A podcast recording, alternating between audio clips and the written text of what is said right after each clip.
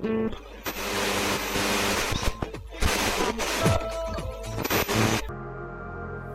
eh, beste mensen. Ik ben blij dat ik vandaag via deze weg toch kan deelnemen aan jullie symposium. Mijn naam is Nicolaas Sintobin. Ik ben Jezuïet. Dat wil zeggen dat ik lid ben van een rooms-katholieke kloosterorde. Ik woon hier in Amsterdam in het Jezuïetenhuis samen met vijf andere medebroeders lid van de Sociëteit van Jezus. Dat wil zeggen dat ik al een tijdje, twintig jaar, priester ben. En ik ben in het bijzonder actief als internetpastor.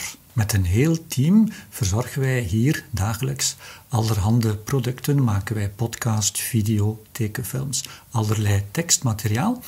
En dat is steeds rond de Ignatiaanse spiritualiteit. Dat wil zeggen, de wijze van het beleven van het evangelie, van het kijken en leven met de persoon van Jezus, zoals ons die wordt aangereikt door Ignatius van Loyola, een 16e-eeuwse edelman die een hele diepe bekering heeft doorgemaakt en die aan de oorsprong ligt, de stichter is van de Jezuïeten en die ook aan de oorsprong ligt van die Ignatiaanse spiritualiteit.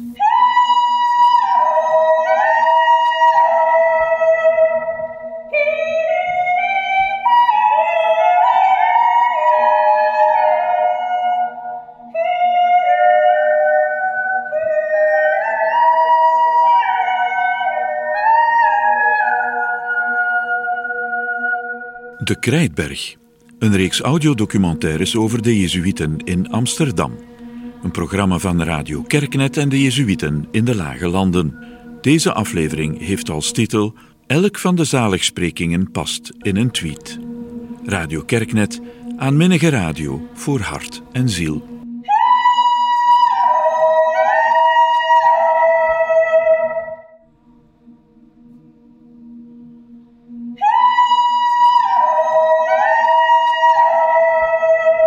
De hoogstgelegen kamer in het Xaveriushuis naast de Krijtbergkerk in Amsterdam is die van internetpastor Nicolaas Sintobin.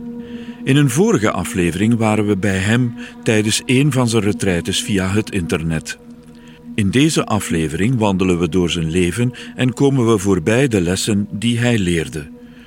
Daarbij twee leidraden: de parabel van de talenten uit het Evangelie en het devies van de Jezuïeten plus est en vous. Ik ben de oudste van een gezin van zes kinderen en ik ben geboren samen met een andere jongen. Dus te zeggen, ik heb een tweelingbroer, een eenijige tweelingbroer bovendien. En ik denk dat dat een heel belangrijk gegeven is in de manier waarop je opgroeit en waarop je persoonlijkheid zich ontwikkelt. Nadien zijn er nog vier andere kinderen gekomen.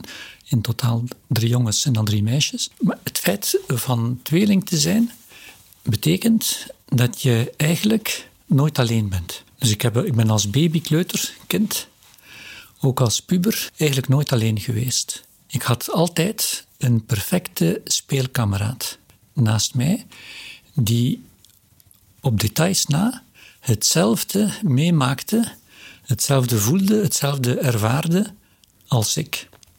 En het feit van nooit alleen, of zo goed als nooit alleen geweest te zijn, en van altijd steun te hebben naast me, waar ik ook was. Bijvoorbeeld als elfjarige ging ik op taalkamp voor een maand. En ik vond dat toch wel angstaanjagend in, eh, in Frankrijk. Maar ik deed het samen met Anton, mijn tweelingbroer. Ik denk dat dat mij een soort van basisvertrouwen en basisrust gegeven heeft, die ik eigenlijk mijn leven lang tot op heden, ik ben nu 60 jaar, uh, behouden heb. Ik ben opgegroeid in een traditioneel Vlaams uh, burgergezin, katholiek, ouders, twee ouders, die alles gedaan hebben voor hun kinderen wat ze konden doen. En mijn vader vrij beroep, moeder huismoeder, klassieke opvoeding.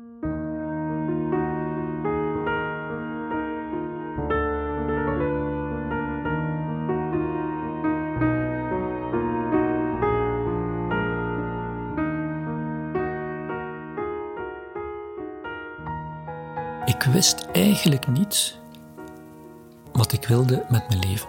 Ik wist het niet. Ik had er geen idee van.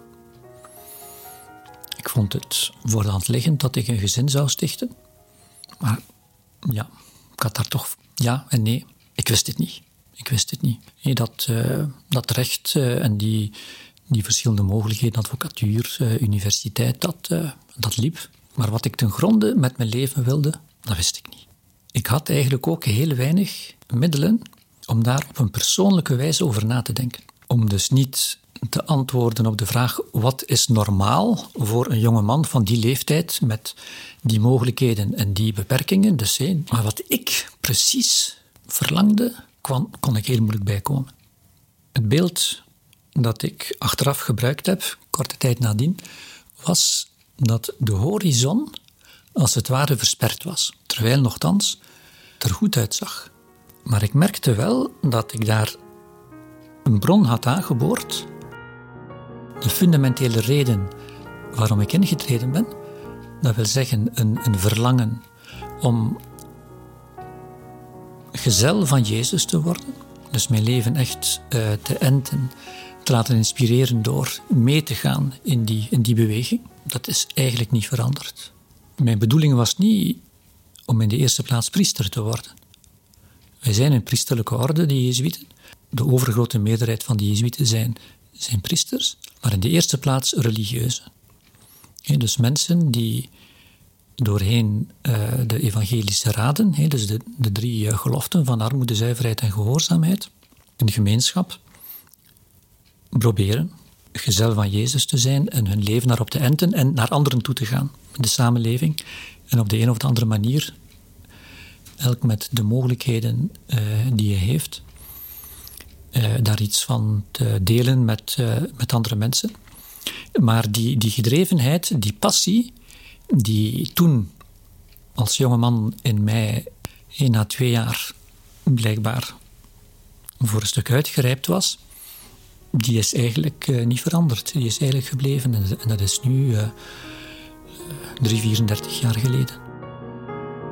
Mijn broer, Anton, die, die is intussen getrouwd. Uh, en die, uh, met Cecilia, die, heeft, die hebben vier kinderen. Uh, die, die is ook jurist, we hebben dezelfde studies gedaan. Die is zelf ook een geëngageerde christen. Zij dat hij zijn leven op een heel andere leest geschoeid heeft. Anton heeft alles wat je naar de maatstaven van de wereld kan verlangen. Hij heeft een een goed huwelijk, een mooi gezin, heeft een goede job uh, die hij graag doet, hij heeft bezigheden uh, daarbuiten. Het gaat hem gewoon goed. En ik, zijn tweelingbroer, heb naar de maatstaven van onze huidige cultuur heel weinig. Ik heb zo'n heel speciaal engagement als, eh, als religieus priester. Wie doet er dan nu nog vandaag de dag?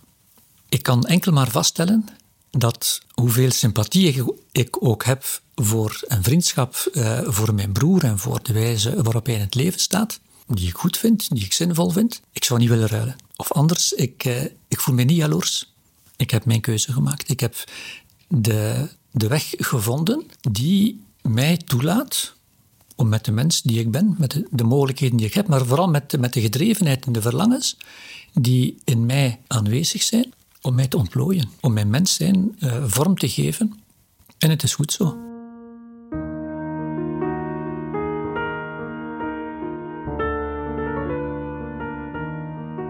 Ik heb bijvoorbeeld reality-televisie gedaan als jezuïet.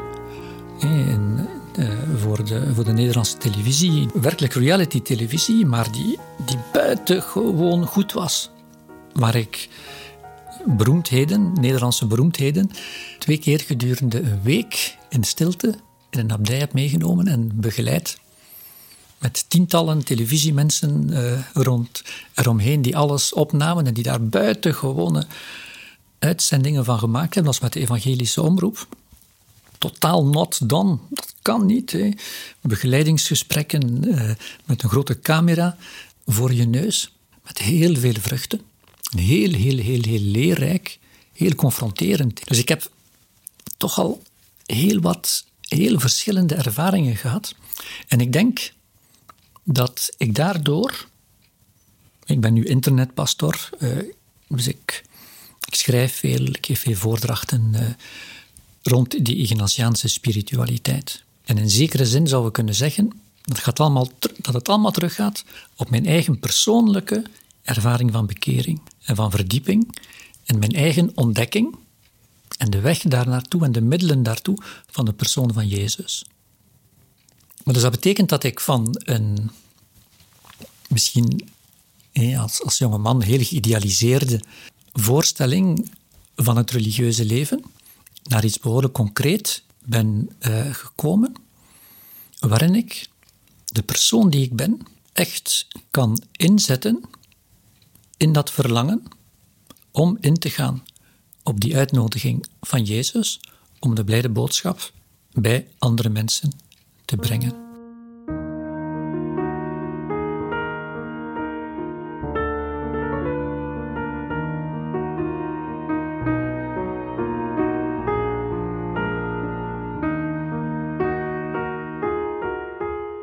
Ik zeg maar, ik heb in een parochie gewerkt. Ik heb in, uh, met uh, drugsverslaafden gewerkt. Uh, ik heb met zwaar mentaal gehandicapte kinderen gewerkt. Ik heb onderwijs gegeven aan, aan allerlei leeftijden. Ik heb retretes gegeven. Ik heb veel geschreven, voordrachten, pelgrimstochten, sociaal werk. Het eigene aan onze spiritualiteit is dat we niet zozeer kijken naar wat je beperkingen zijn en die met al geweld willen bijspijkeren, dan wel maximaal gaan voor wat je wel kan. En daar echt ver in gaan. Dus een voorkeursoptie te geven, het lijkt misschien voor de hand liggend, maar in de praktijk doen vele mensen dat niet. Werkelijk datgene wat je kan ernstig nemen en daarop bouwen en zien hoe je dat kan, kan toepassen op de noden die er zijn. En dan wordt de vraag: wat kan je niet of waar ben je niet goed in, eigenlijk veel minder relevant. Ik eh, noem het soms anders, waar je toe geroepen bent. En die twee gaan hand in hand, uiteraard. Want ik denk dat een, een geslaagd leven niet zozeer een leven is waarin je alle mogelijke ervaringen die men als belangrijk beschouwt, die je echt moet gehad hebben. Dat je daar een volledige verzameling kan van aanleggen en dat je aan het einde van je leven kan zeggen: Ik heb, er alle, ik heb van alles geproefd, ik ben daar tevreden over. Dat heb ik helemaal niet gedaan. Maar wel dat je op enkele punten heel ver kan gaan. Althans, zover als jij kan gaan, zover als jij voelt dat je kan gaan, maar daar dan werkelijk helemaal voor kan gaan. Niet vanuit een wilsbeslissing, heel hard op de tanden bijten, dan zal het wel lukken. In voluntarisme, dan wel van, hé, hey, hier stroomt het, hier gebeurt iets, hier voel ik mij toe uitgenodigd. Als ik in 88 voor het eerst met het idee gespeeld heb om jezuïet te worden, was dat in zekere zin een donderslag bij klaarlichte hemel. Ik had er nooit aan gedacht, het werd mij zeker niet voorgehouden. En het werd zeker niet door de samenleving als ideaal vooropgeschoven.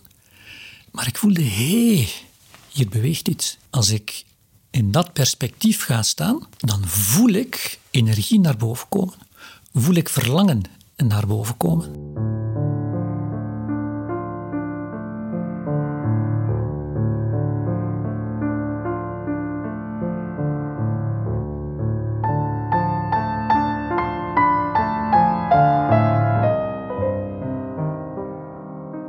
Vanuit de de idee dat iedereen talent heeft. Iedereen heeft talent. En een goede, een goede opvoeding is een opvoeding die de kinderen, de jongeren, de kans geeft, die voldoende breed is, om die talenten op het spoor te komen. En te weten wat jou drijft.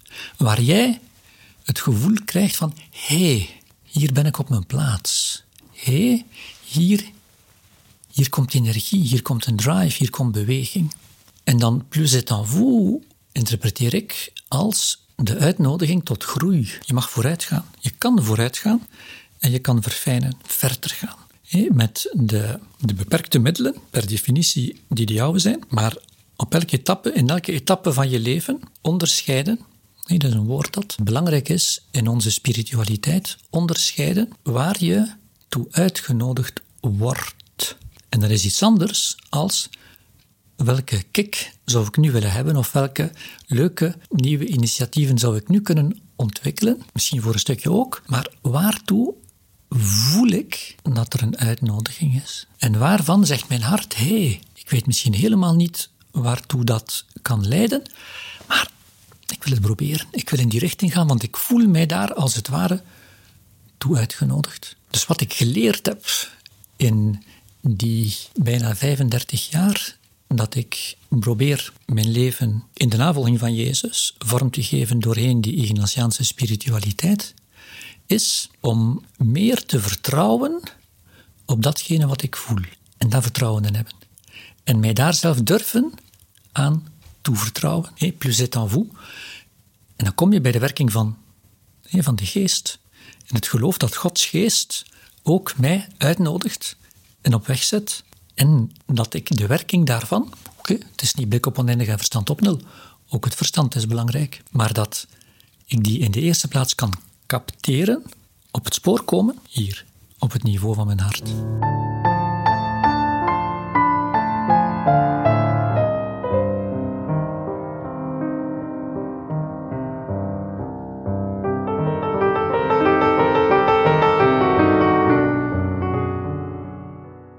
Mensen laten zich leven en laten zich voorschrijven door men, door ze, door de influencers, eh, noem maar op, wat belangrijk is voor hen. En dat is vaak, denk ik, uit pure armoe, omdat men geen eigen zingevingssysteem heeft.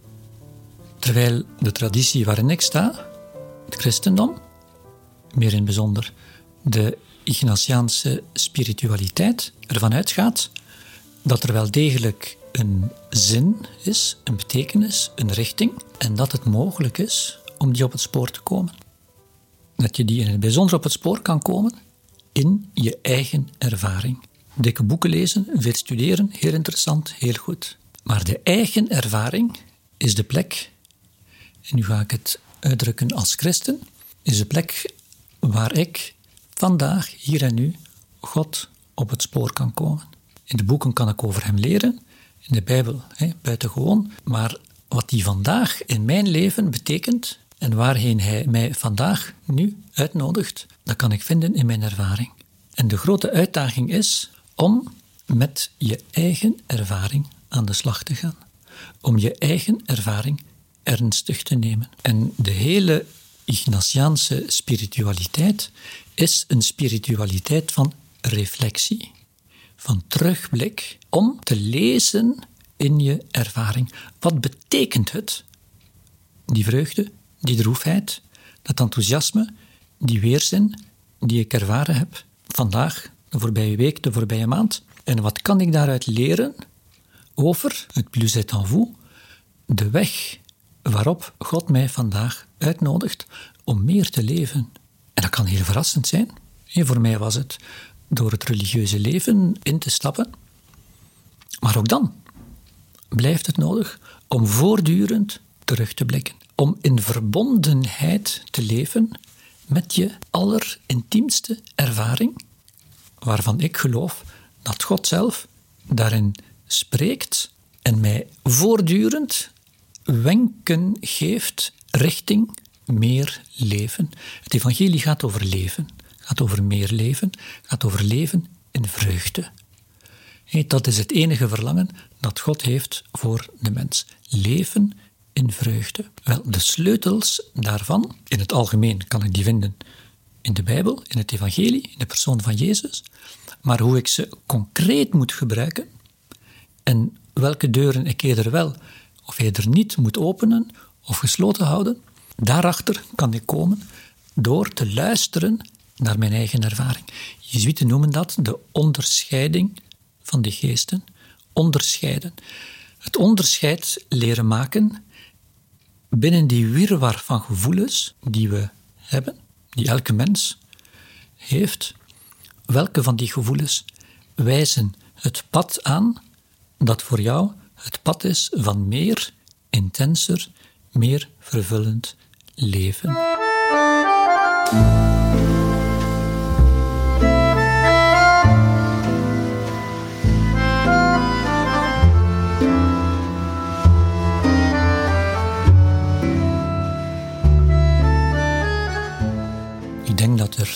Heel veel, heel veel van dat streven bestaat. De ongelooflijke hoeveelheid vrijwilligerswerk die op alle mogelijke plekken, in alle mogelijke organisaties uh, bestaat. Het probleem is, denk, waarmee wij geconfronteerd worden vandaag.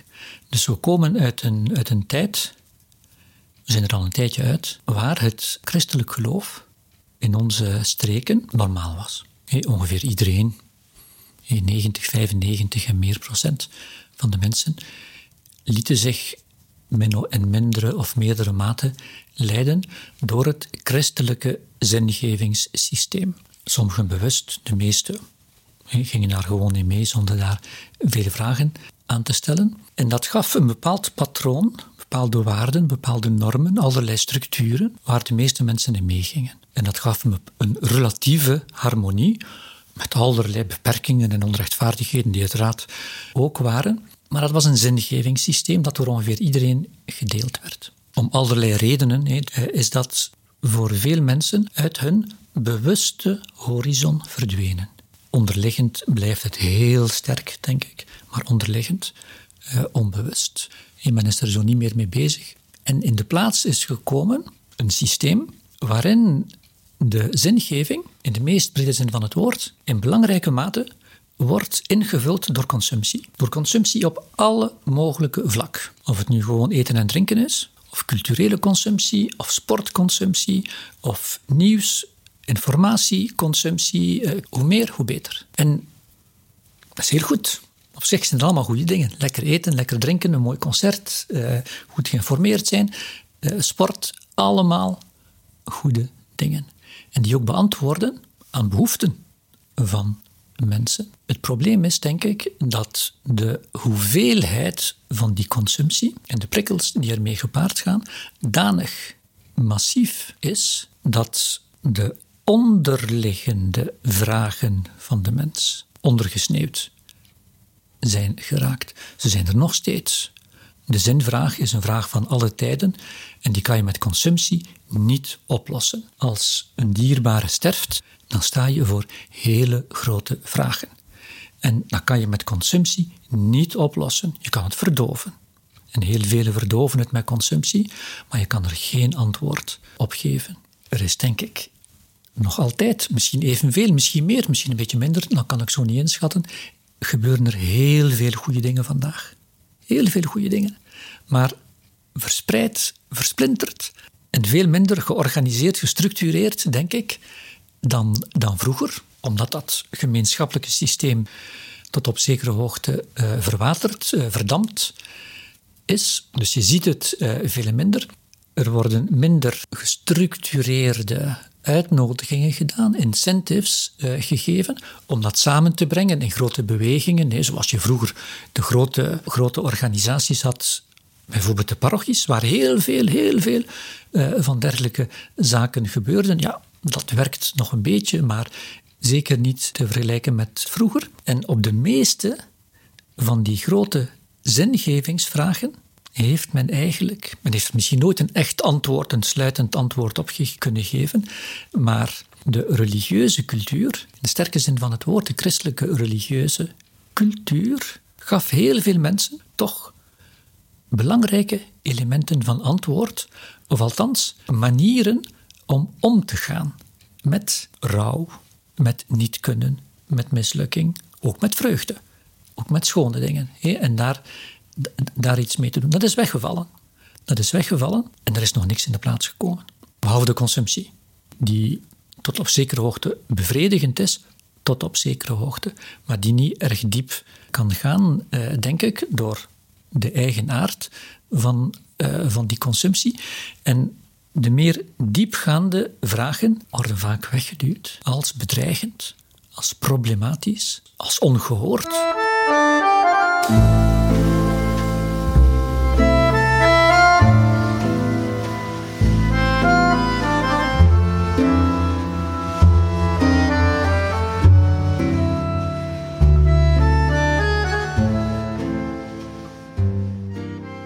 Grote uitdaging is om bereid te zijn en om de kans te grijpen. Want het is vooral een mogelijkheid om de eigen logica en de eigen creativiteit of het potentieel aan creativiteit van het internet te gebruiken om nieuwe vormen van pastoraat, van verkondiging, van verbondenheid mogelijk te maken. En van niet denken, ja, wat we doen in de fysieke wereld, moeten we nu ook gaan doen in de digitale wereld. Want het zijn twee logica's, twee omgevingen die toch wel behoorlijk verschillend zijn. En dus, het is een permanente uitnodiging tot creativiteit, aanpassing, verandering. En het is echt nodig om de eigen wetmatigheden van die omgeving te respecteren. Dat betekent bijvoorbeeld dat wij nu in ons platform voor spiritualiteit al een aantal jaren besloten hebben, wat betreft ons digitaal pastoraat, om van marketing onze eerste prioriteit te maken. Omdat op de digitale markt, en er is een digitale markt van zingeving, er is een heel commerciële digitale markt van zingeving, die aan een heel hoog tempo de traditionele christelijke aanbieders wegconcureert en die buitengewoon bedreven zijn in het gebruiken van alle mogelijke gesofisticeerde marketingtechnieken om de surfer naar hun websites te lokken, om daar duur betalende producten te kunnen slijten. Wel, wij gebruiken nu diezelfde marketingtechnieken om diezelfde doelgroep ook naar ons aan te trekken. Dat kost geld, maar brengt buitengewoon veel op. Ik bedoel, het aantal gebruikers bijvoorbeeld van onze podcast biddenonderweg.org. Die podcast bestaat nu acht jaar. De eerste vijf, zes jaar was het aantal gebruikers ongeveer stabiel. Zoveel duizend en we vonden dat normaal. Ik dacht ja, dat is het blijkbaar in het Nederlandse taalgebied. En sinds eh, twee jaar hebben we nu heel sterk ingezet op marketing. Het aantal gebruikers is verviervoudigd. Op twee jaar tijd, terwijl het zeven jaar lang ongeveer stabiel was gebleven.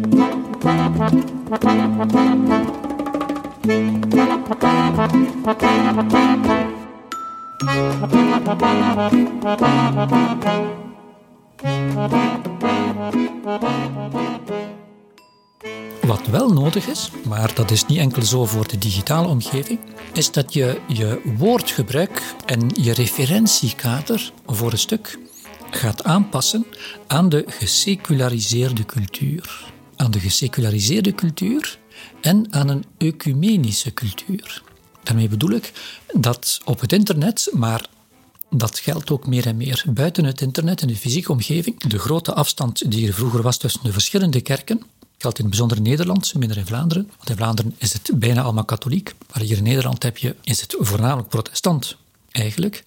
Maar de grote afstand, de hele hoge muren die er waren tussen katholiek en protestant, zijn aan een razendsnel tempo aan het verdwijnen.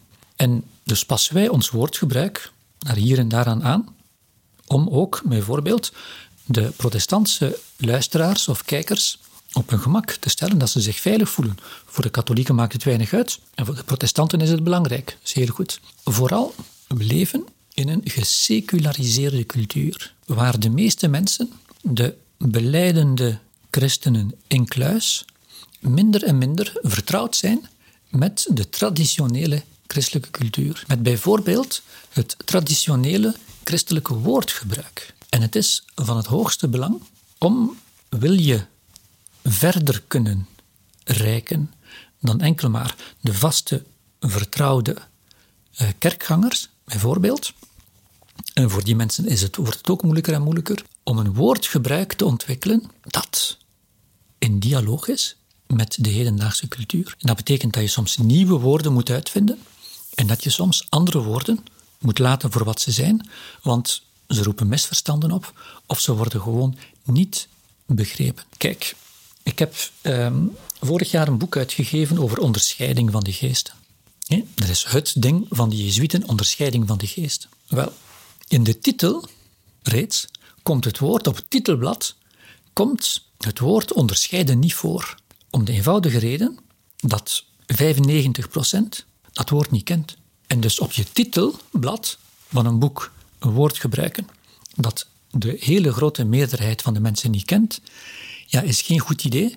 Wil je dat dat boek in een breder publiek of voor een breder publiek kan worden gebruikt? In het boek uiteraard heb ik heel vaak het woord onderscheiding gebruikt. Maar de geesten, onderscheiding van de geesten, de geesten heb ik er tussenuit gelaten. Want dat woord was in de 16e eeuw een heel gebruikelijk, cultureel vertrouwd begrip. Vandaag niet. En als je vandaag over de geesten spreekt, dan denken de mensen: oh, oh, dat is esoterie of dat is weet ik veel iets heel. Dat is niet voor mij. Ik heb het gewoon weggelaten. Geen enkel probleem. Je kan perfect spreken over die klassieke onderscheiding van de geesten zonder die geesten expliciet dat woord te gebruiken.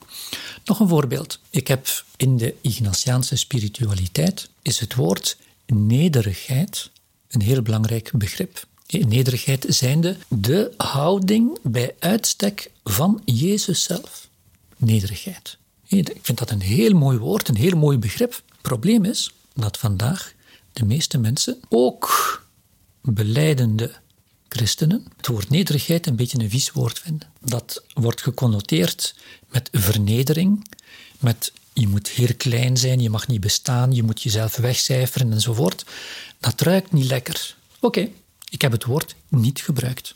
En ik heb een ander woord, ik heb het woord ontvankelijkheid gebruikt. Dat is niet hetzelfde, niet helemaal hetzelfde, maar binnen de Ignatiaanse context zijn er voldoende parallellen, analogieën tussen de twee, opdat ik het zou kunnen, uh, opdat ik het daardoor kon, kon vervangen. Inculturatie met andere woorden.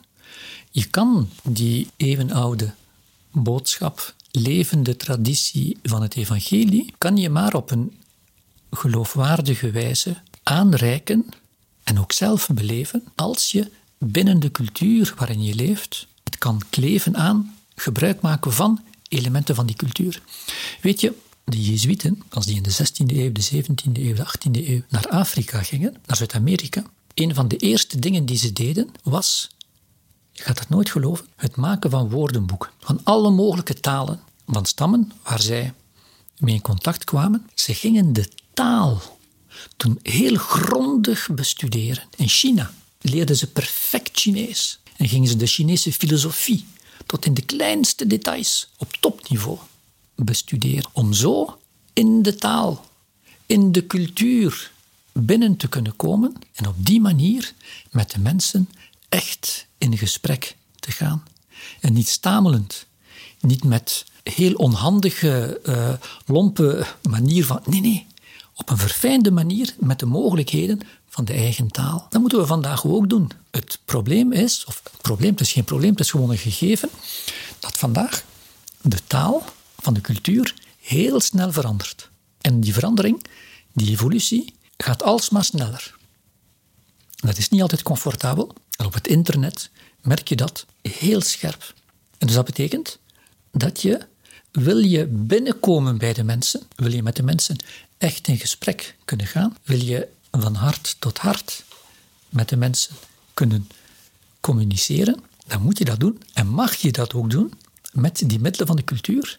Met YouTube, met TikTok, met Twitter. Dan kan je zeggen, wat een oppervlakkigheid. Hoeft helemaal niet.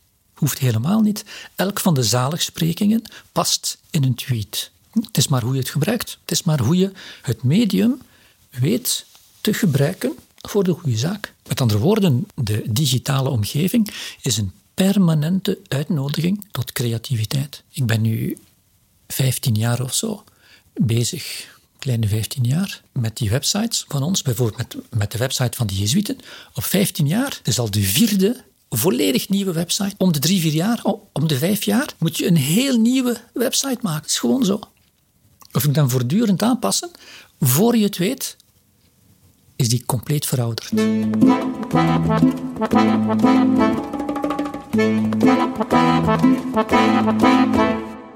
Een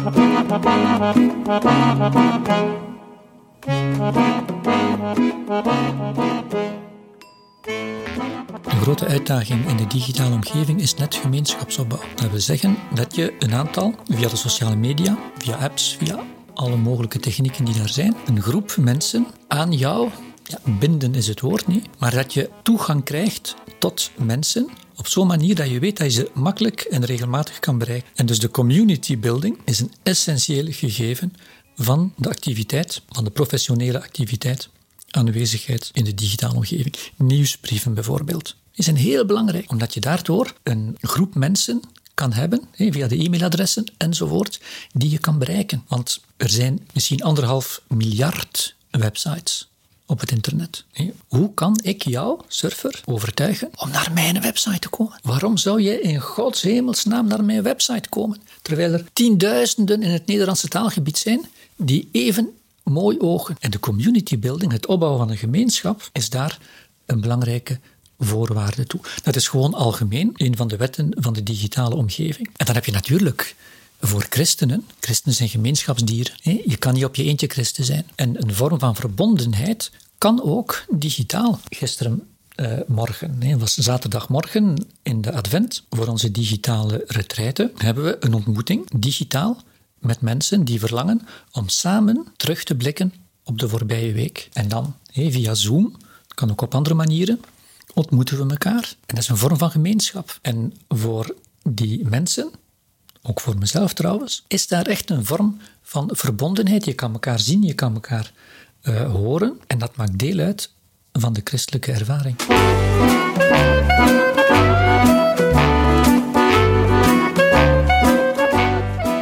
Dit was De Krijtberg. Elk van de zaligsprekingen past in een tweet met Jezuïet Nicolaas Sintobin.